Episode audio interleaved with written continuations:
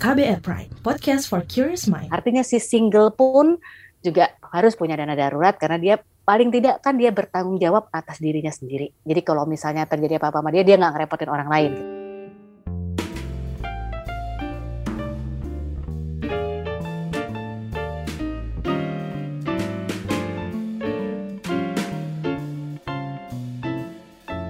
Halo semuanya, kita ketemu lagi di Uang Bicara dan gua Reski Mesanto masih terus nemenin lo ngebahas tentang segala hal yang berbau-bau keuangan dan ekonomi. Dan Uang Bicara adalah podcast terbaru dari KBR Prime. Jangan lupa ya untuk ngecek podcast-podcast yang ada di KBR Prime. Ada banyak banget loh yang baru-baru. Anyway, pada saat podcast ini gue rekam, banyak banget karyawan swasta, mulai dari karyawan banking, insurance, atau multinational company lain yang lagi kebanjiran bonus. Bonusnya nggak main-main loh, mulai dari satu kali gaji. Gue sempat ketemu sama satu orang karyawan yang baru aja dapetin bonus. Dia dapat satu kali gaji. Wow, lumayan banget ya. Gue lebih amazed lagi ketika gue tanya sama dia, kira-kira uang bonus yang baru aja dia dapat mau diapain? Ternyata dia jawab, dia nggak akan pakai uang bonusnya untuk jalan-jalan, untuk belanja-belanja, tapi dia akan mengalokasikan uang bonusnya untuk dana darurat atau emergency fund. Di episode kali ini, gue mau ngajak lo untuk ngebahas tentang dana darurat di uang bicara.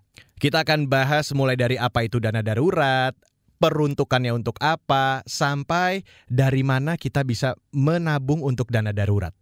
Kalau gitu langsung aja kita mulai di uang bicara. Gua mau ngajak lo untuk ngobrol langsung sama seorang certificate financial planner. Namanya Meta Anggraini. Langsung aja kita bahas dana darurat di uang bicara. Oke, Mbak Meta, kita kali ini mau ngomongin tentang uh, dana darurat. Nah, kalau definisi dari dana darurat itu sebetulnya apa sih, Mbak? Jadi sebenarnya dana darurat itu adalah uh, suatu bentuk tabungan yang memang didedikasikan khusus sebagai uh, dana darurat. Artinya tabungan yang bisa dipakai bila memang terjadi kondisi darurat siapa sih sebetulnya yang harus punya dana darurat? Apakah uh, pekerja atau employee atau mungkin mereka businessman atau businesswoman atau mereka yang berusaha gitu atau siapa Mbak yang harus punya dana darurat? Sebenarnya kalau ditanya gitu, yang ha yang harus punya dana darurat itu ya sebenarnya semua orang. Semua orang yang hidup dan segala macam kebutuhan hidup itu kan dipenuhi juga dengan uang ya. Artinya uh, kalau memang kita punya kebutuhan ya kita harus punya uangnya untuk memenuhi kebutuhan itu. Termasuk kalau kita sudah punya apa namanya ya kan dan yang kita harus tahu kebutuhan itu kan berjalan terus. Jadi ada tidak ada uangnya, kebutuhannya akan tetap ada gitu ya. Nah, jadi artinya justru dengan dana darurat itu kita memastikan misalnya terjadi risiko pun kebutuhan itu bisa tetap terpenuhi sampai beberapa waktu sampai akhirnya kita bisa recover lagi. Yang harusnya punya dana darurat itu siapa? Ya memang idealnya semua orang. Artinya si single pun juga harus punya dana darurat karena dia paling tidak kan dia bertanggung jawab atas dirinya sendiri. Jadi kalau misalnya terjadi apa-apa sama dia, dia nggak ngerepotin orang lain gitu ya. Tapi apakah terus kalau misalnya orang bekerja kan udah gaji punya gaji tetap ya uh, bulanan gitu ada uang masuk tetap gitu, masih perlu dana darurat juga nggak? Ya perlu karena tadi resiko pekerjaan bisnis turun PHK itu bisa terjadi kapan aja juga. Apalagi kalaupun pekerja ataupun ini terus dia berkeluarga gitu ya punya anak atau punya istri, anak, suami, atau keluarga lain yang ditanggungnya. Artinya kan dia hidup bertanggung jawab bukan hanya untuk dirinya sendiri, tetapi juga untuk orang lain gitu ya. Jadi justru dana, daruratnya jadi perlu lebih banyak. Itu kan kalau kalau kita bekerja. Tapi artinya ada orang bekerja kan macam-macam ya. Ada yang bekerja tetap, ada yang bekerja tidak tetap, freelancer, ada yang bahkan berbisnis. Nah justru sebenarnya ketika misalnya dia freelancer tadi misalnya tentu dia perlu dana darurat justru lebih besar karena apa? Karena dia tidak punya kepastian adanya income tiap bulan. Ya kan? Kalaupun dia bukan freelancer tapi dia berbisnis yang mana which is kalau berbisnis itu tanggung jawabnya lebih besar lagi punya karyawan ya kan terus punya tanggung jawab ke vendor ke supplier ke customer ke mana lah gitu ke kreditor investor gitu kan jadi justru kalau kita berbisnis itu perhitungan dana daruratnya uh, lebih besar lagi karena dia harus menghitung dana darurat pribadi dan dana darurat untuk kepentingan bisnisnya juga. Nah sebetulnya kalau kita balik lagi ke dana darurat atau emergency fund, case-case apa aja sih mbak yang layak untuk menggunakan dana darurat? Dari sisi financial planner? Nah itu dia case-case-nya kan umumnya kali uh, resiko kehidupan itu kan macam-macam ya. Artinya yang pasti kan hidup itu ada resiko kematian ya. Mati itu pasti. Tapi kan kita nggak pernah tahu kapan. Jadi artinya tiba-tiba terjadi kematian tuh bisa siapa aja. Misalnya keluarga dekat atau apa. Itu kan semuanya butuh butuh dana dana fresh dalam waktu cepat juga ya. Jadi artinya ketika ada musibah kematian itu itu pasti kita bisa pakai dana darurat.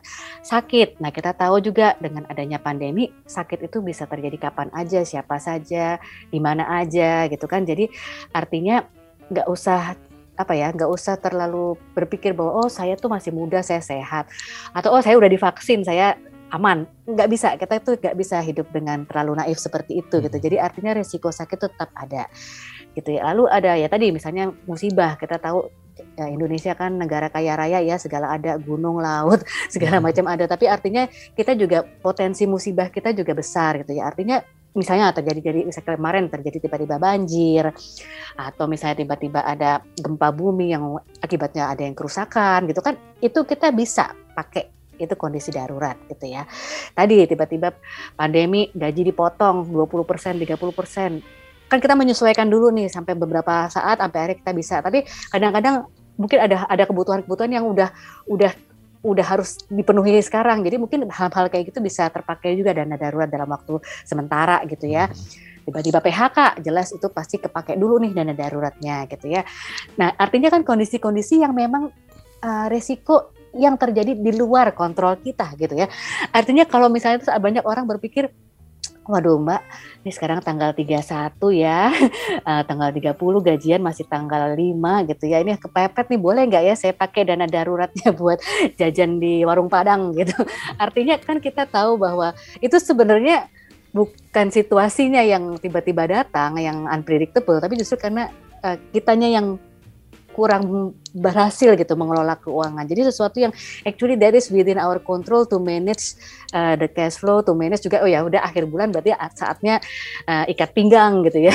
Jadi artinya yang kita tahu mana hal-hal yang memang ini sebenarnya bisa kita lakukan dengan lebih baik, mana hal-hal yang benar-benar unexpected tiba-tiba terjadi, tidak terduga, sehingga itu kita perlu mengeluarkan dana darurat untuk memastikan kelangsungan hidup kita juga gitu. Mbak, ini tadi juga disebutkan dari lima resiko kehidupan itu ada sakit sakit mm. yang sebetulnya bisa uh, boleh menggunakan dana darurat. Mm -mm. Tapi dalam kasus atau pada kenyataan sekarang ini kita sebagai pekerja hampir mayoritas itu pasti uh, kantor kasih insurance atau enggak hmm. setidaknya ada BPJS gitu ya Mbak.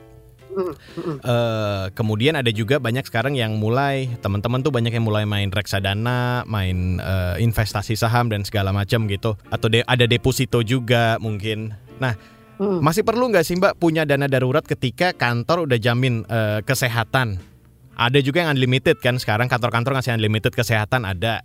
Atau mungkin kita udah punya insurance dari berbagai platform hmm. atau juga mungkin BPJS, kita punya reksadana, kita punya deposito. Masih penting nggak kita punya dana darurat? Atau kredit okay, card Mbak mungkin. Kredit card kan banyak yang bilang uh, that is my hero gitu kan saat kepepet ada kredit card gitu kan. Uh, gimana Mbak? Oke okay, oke okay. kita bahas satu-satu ya. Yeah. Gitu menarik nih. Artinya tadi kalau udah punya asuransi masih perlu nggak punya dana darurat gitu ya? Artinya eh, memang uh, kalau kita bekerja punya dapat fasilitas dari perusahaan atau kita pun bisa bayar BPJS atau bayar premi asuransi lainnya. Artinya saya udah bayar premi asuransi gitu kan. Jadi apakah saya masih harus punya dana darurat? Nah, kembali lagi sakit, resiko sakit itu hanya salah satu dari sekian banyak resiko dalam kehidupan. Artinya kalaupun kita sudah punya asuransi kesehatan misalnya, artinya si dana darurat itu kan bisa tetap uh, tetap diperlukan karena ada resiko-resiko yang lainnya tadi misalnya tiba-tiba ada kecelakaan, ya tadi tiba-tiba ban bocor, tiba-tiba apa namanya macam-macam lah. Jadi artinya sebenarnya asuransi kesehatan hanya mengcover satu jenis resiko saja yang memang itu mungkin udah resiko yang paling besar ya untuk sekarang karena kita hidup kan 50-50 lah ya bisa hmm. hidup bisa sakit gitu ya. Jadi kalau menurut saya kalaupun sudah punya asuransi kesehatan tetap harus punya dana darurat gitu ya karena bisa diperuntukkan untuk hal yang berbeda.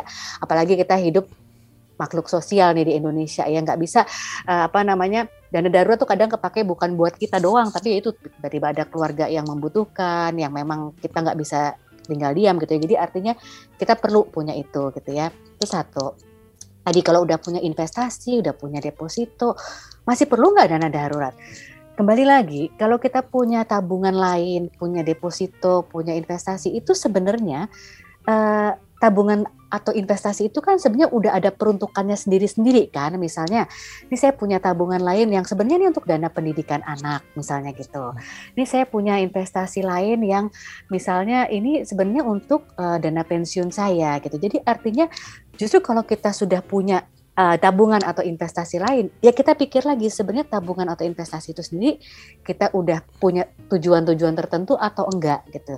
Kalau misalnya memang udah udah terpenuhi semua tapi masih punya sisa investasi di mana-mana ya mungkin sebagian itu bisa dijadikan dana darurat. Tapi kalau memang ternyata oh iya ya uh, itu sebenarnya tujuannya udah jelas nih buat anak sekolah satu, ini buat anak yang kedua. Artinya ya jangan diganggu bahwa itu adalah dana darurat gitu.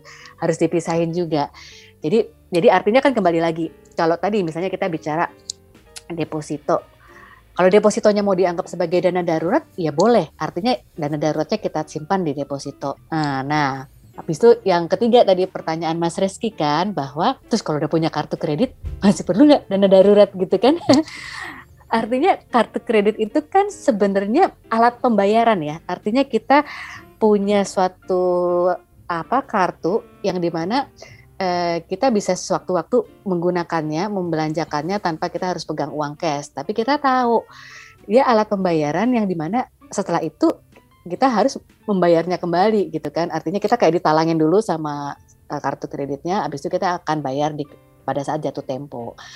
Nah, kalau kita bilang saya nggak punya dana darurat, tapi saya punya kartu kredit ya memang kartu kredit mungkin saya jarang pakai tapi sewaktu-waktu misalnya saya sakit gitu ya saya masuk emergency uh, ini oh ini benar-benar ini kalau nunggu BPJS juga masih lama nunggu klaim kantor lama ini tindakan cito banget. Saya harus punya uh, deposit berapa puluh juta sebelum operasi gitu misalnya.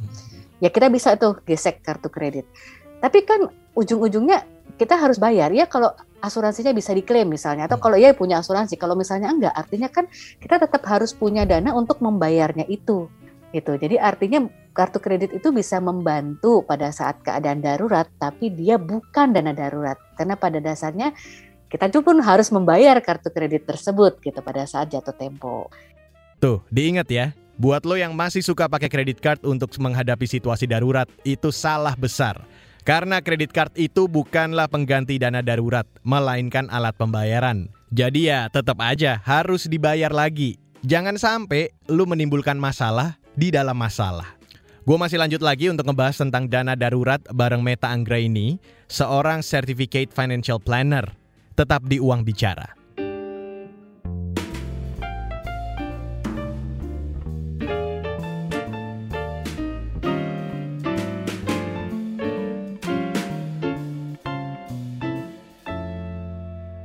Kita kembali lagi di Uang Bicara.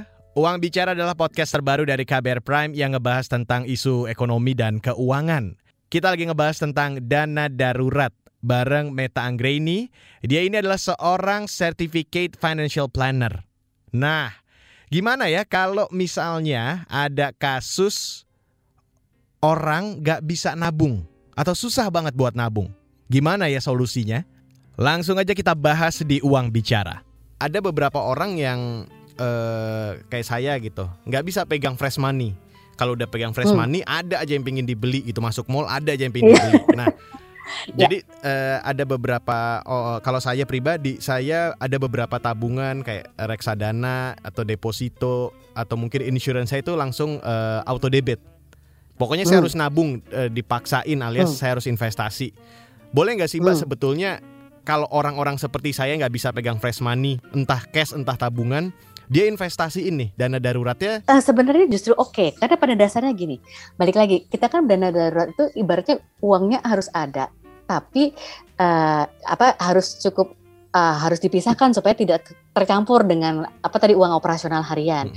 Nah, tapi ketika dipisahkan, kan kita tahu bahwa ya tadi kita nggak pingin uang ini dipakai, tapi kita kalau nggak dipakai kita ya kalau dibiarin gitu aja kan sayang juga kan hmm. artinya boleh banget dikembangkan dalam bentuk investasi lainnya. Tapi artinya gini, jadi intinya dana darurat itu harus dipisahkan ke dalam instrumen keuangan yang uh, dia cukup tingkat kepastiannya cukup tinggi, tapi aksesnya terbatas. tingkat kepastian tinggi itu maksudnya begini. Itu tadi kita tahu keadaan darurat tuh bisa terjadi kapan aja. Jadi artinya sewaktu-waktu saya butuh, saya bisa ngambil dan uangnya tuh ada terprediksi gitu ya. Kalau saya udah pernah naruh uh, sekian, misalnya saya pernah naruh 100 ribu tiap bulan ya setelah setahun saya expect di situ ada ya sekitar satu juta, 1,2 juta, 1,3 juta. Kita tahu lah sekitar itu duitnya. Jadi artinya uh, dia harus cukup tingkat kepastiannya tinggi. Tapi kedua dia aksesnya harus terbatas. Terbatas tuh dalam arti apa? Karena tadi kalau aksesnya ada, pasti kepake, pasti gatel gitu kan, pingin make pada saat ke mall gitu. Artinya kita bisa taruh di instrumen yang memang nggak ada aksesnya. Misalnya kalau di rekening tabungan tapi nggak ada ATM-nya. Tapi balik lagi, rekening tabungan kan bunganya juga terlalu kecil, malah hmm. termakan biaya-biaya gitu ya. Artinya tadi boleh kita taruh di deposito misalnya. Deposito memang ya tingkat bunga cuma tiga persen, tapi kan ya balik lagi tingkat kepastian tinggi. Sewaktu-waktu perlu kita tinggal cairin deposito gampang. Artinya gini, kalaupun saya harus nyairin deposito sebelum jatuh tempo, bisa duitnya ada. Tapi memang artinya saya kena biaya penalti, bunganya saya yang mungkin nggak dapet. Tapi ya itu, kalau nggak kepepet, saya nggak akan cairin karena pasti saya rugi dengan biaya penaltinya itu gitu. Atau kayak mungkin Mas Reski atau mungkin yang lain juga ada yang bilang sekarang saya dana daruratnya bentuknya logam mulia jadi saya nggak punya, jadi saya cuma pegang uh, apa kepingan-kepingan emas aja di rumah gitu. Ya saya simpen di safe deposit box misalnya. Karena terjadi suatu waktu ya saya bisa ke toko emas, ke butik Antam, Pegadaian, saya bisa uh, cairin emasnya itu dengan nilai yang juga terprediksi karena harga emas itu kan jelas ya di pasarannya berapa tapi saya harus ada effortnya gitu untuk mencairkan emas itu gitu. Jadi artinya emas itu kan juga nggak akan tiap hari saya bawa-bawa atau tiap hari saya belanjain gitu. Jadi artinya kita tahu bentuk dana daruratnya tuh aman dalam suatu bentuk tertentu. Tapi kalaupun sewaktu-waktu saya mau pakai itu bisa gitu ya bisa bisa dicairkan dengan nilai yang uh, ya tingkat kepastiannya tinggi sehingga nilainya terprediksi. Mbak kalau dari sekian produk investasi yang ada, what's best? Untuk investasi dana darurat? Artinya gini, balik lagi aku tadi bilang bahwa intinya kan karena dana darurat kita harus uh, dia tuh harus punya tingkat kepastian yang tinggi gitu ya. Artinya ya tadi kita biasanya kalau dalam investasi itu uh, kalau kita mau yang pasti-pasti, pasti berarti risikonya rendah, ya kan? Nah, sementara dalam investasi itu ada rumusnya kalau memang high high risk, high return low kalau kita low risk ya low return gitu kan. Jadi karena kita tadi mau yang pasti-pasti aja, pasti ini harus taruh di uh, instrumen yang low risk, ya, tapi returnnya pasti low juga. Itu namanya instrumen yang konservatif. Umumnya kalau konservatif itu kita bisa tadi bicara deposito gitu ya. Kita bisa bicara uh, emas. Emas sebenarnya bisa dibilang cukup konservatif ya untuk jangka jangka menengah sebenarnya baiknya karena kalau jangka pendek pun emas kan ada selisih harga beli dan harga jual ya. Tetapi balik lagi ya itu tadi kalaupun kita mau jual sementara kita baru beli, kita pasti mikir hmm, apa hmm, belinya aja dijual lagi harganya malah turun. Jadi kan kita nggak akan pakai gitu ya. Nah abis itu tadi kan Mas Rizky bilang ada nyebut reksadana gitu ya. Hmm. Reksadana bisa, tapi reksadana yang pasar uang. Jadi reksadana kan banyak macamnya ya.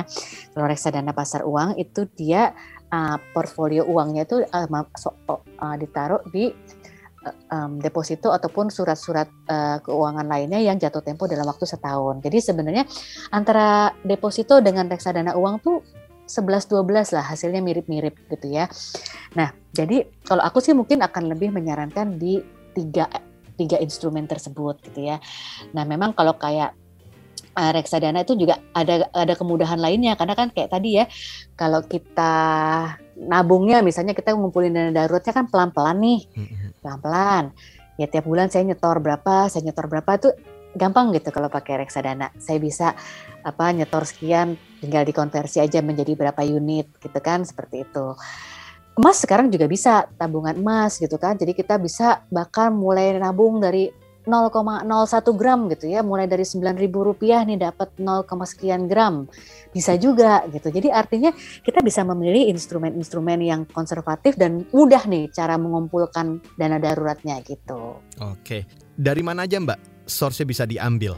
Misalnya apakah dari gaji uh, bonus kayak hmm. kayak sekarang-sekarang ini lagi pada banyak bonus ya. atau sekarang juga mau THR atau dari hmm. mana mbak bisa uh, source-nya dana darurat ini mbak Oke, nah balik lagi kan kalau kita bicara ini dari mana dana daruratnya gitu kan.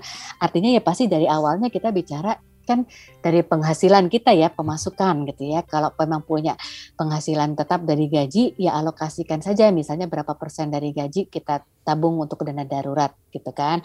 Nah kan dana darurat sendiri ada orang yang nggak mau terlalu banyak mikir jadi ya udah pokoknya saya menabung misalnya lima persen dari gaji masuk ke dana darurat tapi kan sebenarnya eh, kita juga 5% itu berapa banyak dan sebenarnya yang kita butuhkan berapa banyak. Jadi kita harus menghitung dulu kebutuhan dana darurat kita tuh sebenarnya berapa. Jadi kita punya targetnya gitu loh, target tabungannya tuh kita ada gitu ya. Nah, jadi bisa dari gaji kita kumpulin berapa persen dari gaji untuk mencapai target tersebut. Tadi kan Mas Rizky juga bilang sekarang mungkin uh, perusahaan-perusahaan besar sudah mulai banyak membagikan bonus atas performance tahun lalu gitu ya. Nah, bonus atau mungkin nanti mau lebaran ada THR sementara nggak boleh mudik gitu ya. Artinya bonus ataupun THR itu kan sebenarnya seperti uang kaget ya. Artinya yang kita terima hmm, sewaktu-waktu dalam jumlah besar tapi nggak nggak rutin gitu. Nah kalau memang kita dapat bonus atau dapat THR sementara kita tahu kita tadi dana daruratnya sebenarnya belum mencapai target masih perlu dikumpulin mungkin ada baiknya itu kita amankan dulu tuh sebagian dari bonus ataupun si THR itu menjadi untuk memenuhi dana-dana tadi yang belum tercukupi gitu. Artinya balik lagi kan kita juga namanya apalagi THR pasti ada kebutuhan juga kan. Jadi jadi bolehlah sebagian dibelanjakan untuk keperluan hari raya, tapi sebagian lagi ditabung. Dan jangan lupa kalau misalnya punya bonus atau THR, kadang bukan cuma buat dibelanjain atau ditabung, tapi juga buat bayar utang. Supaya apa? Jangan sampai dana darurat yang terkepake buat bayar utang. Itu kan yang kadang-kadang kepake apa kejadian juga gitu. Hmm. Oke gitu. Mbak, berarti sebetulnya Jadi, nggak oh. direkomendasikan ya Mbak eh, naruh dana darurat itu di rekening biasa gitu ya Mbak? Kalau rekening biasa, rekening bank, uh, pertama ada risiko tercampur sama operasional. Hmm. Kedua, uh, bunganya kan juga rendah sekali ya tingkat bunga tabungan bank itu paling hanya sekitar satu atau dua persen lah maksimum setahun. Sementara ada biaya admin, biaya macam-macam gitu. Jadi ya rugi juga sih kalau ditaruh di rekening. Apalagi kalau rekeningnya ntar ada ATM, ada apa m banking macam-macam. Jadi artinya uh, gampang terjadi kebocoran-kebocoran gitu kalau ditaruh di dalam rekening. Jadi sebaiknya ditaruh yang lebih aman gitu, yang yang tadi aksesnya terbatas gitu. Hmm. Mbak Meta ada tips nggak Mbak buat uh, kita nih millennials untuk bisa berhasil punya dana darurat?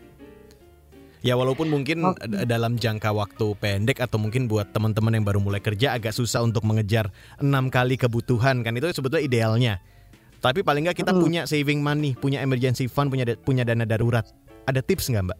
Oke, okay, tipsnya adalah sebenarnya kalau buat uh, teman-teman millennials itu memang Artinya kalau kita bicara perencanaan keuangan ya, bukan cuma buat dana darurat.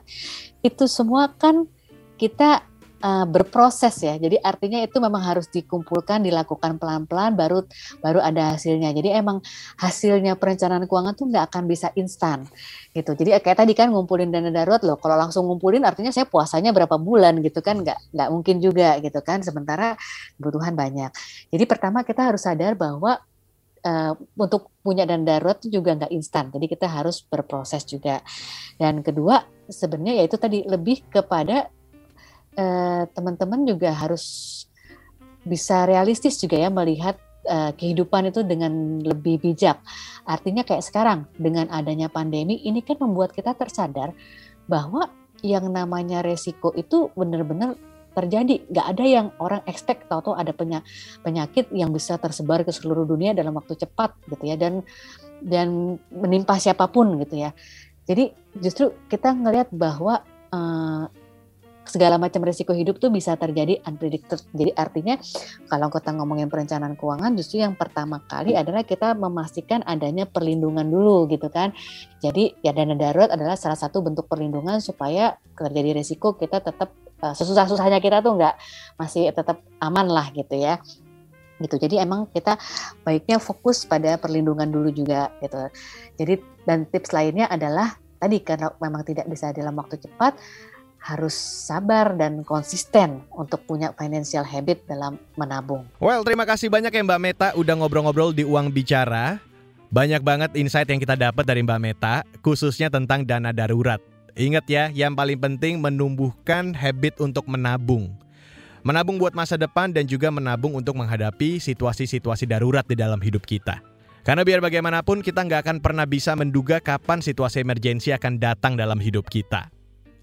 Kita ketemu lagi minggu depan dengan tema-tema seputar keuangan yang gak kalah menarik dari episode ini. Kalau misalnya lu punya kritik, saran, atau mungkin punya topik yang pengen dibahas di Uang Bicara, jangan pernah ragu untuk kirim email ke podcast at. Gue, Reski Mesanto, undur diri, stay safe and stay healthy. Bye!